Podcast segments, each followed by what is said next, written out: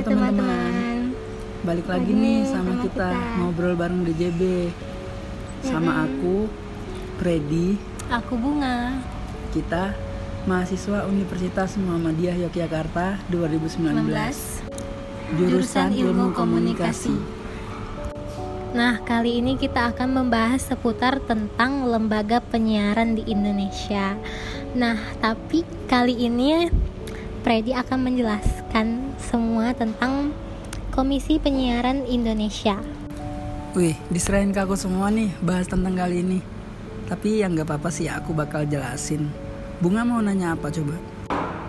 Nah, aku mau nanya nih seputar tentang KPI. Tolong dong jelasin apa itu KPI. Nah, jadi KPI itu singkatan dari Komisi Penyiaran Indonesia. Merupakan sebuah lembaga independen di Indonesia yang kedudukannya setingkat dengan lembaga negara lainnya yang berfungsi sebagai regulator penyelenggaraan penyiaran di Indonesia.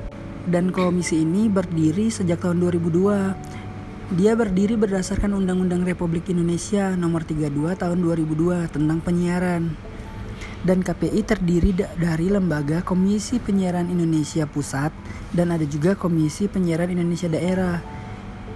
Kalau yang daerah bekerja di tingkat wilayah atau tingkat provinsi. Nah, wewenang dari mereka apa aja sih kalau boleh tahu? Nah, mereka memiliki wewenang dan lingkup tugas Komisi Penyiaran meliputi pengaturan penyiaran yang diselenggarakan oleh lembaga penyiaran publik, lembaga penyiaran swasta, dan ada juga lembaga penyiaran komunitas. Nah, semenjak disahkannya eh, undang-undang tentang KPI, apa aja sih perubahannya? Nah, kalau itu sejak disah disahkannya undang-undang banyak terjadi perubahan. Salah satunya ada perubahan fundamental dalam pengelolaan sistem penyiaran yang ada di Indonesia, di mana pada intinya adalah semangat untuk melindungi hak masyarakat secara lebih merata.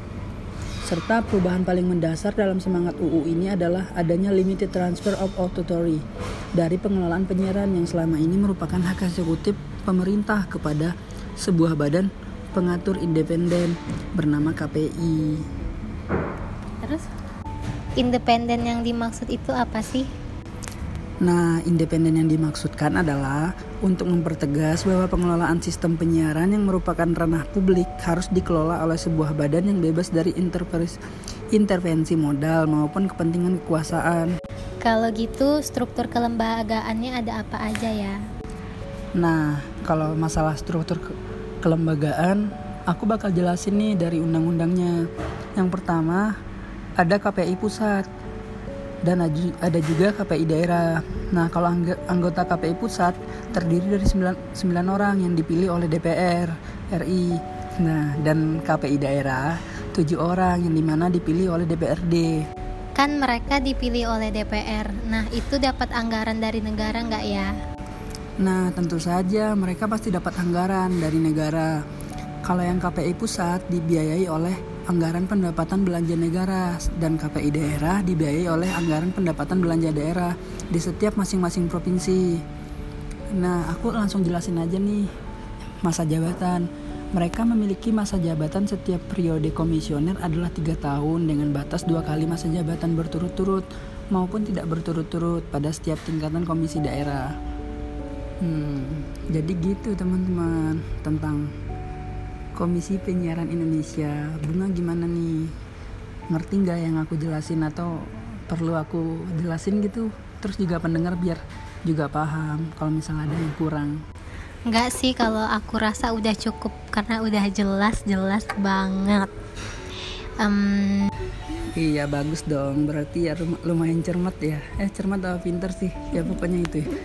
Ya udah mungkin podcast kali ini sampai situ aja deh yang aku bahas sama Bunga. Bunga gimana? Kelar nggak sampai sini? udah oke. Ya udah. Thank you pen- teman-teman setiap pendengar podcast ngobrol bareng DJB. See you next Oke. podcast. Thank you.